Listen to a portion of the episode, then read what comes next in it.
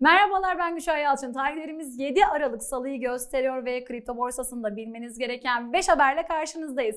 İlk haberimiz CME Group Mikro Ethereum vadeli işlemleri 6 Aralık itibariyle işleme açıldı. Tron protokolü tarafından başlatılan BitTorrent Chain 12 Aralık'ta piyasaya sürüleceği açıklandı. TechCrunch raporunda ise birçok şirketin Polygon ağının yerel parası olan Matic Token'dan 50 milyonla 150 milyon dolar değerinde alım yapacağı açıklandı.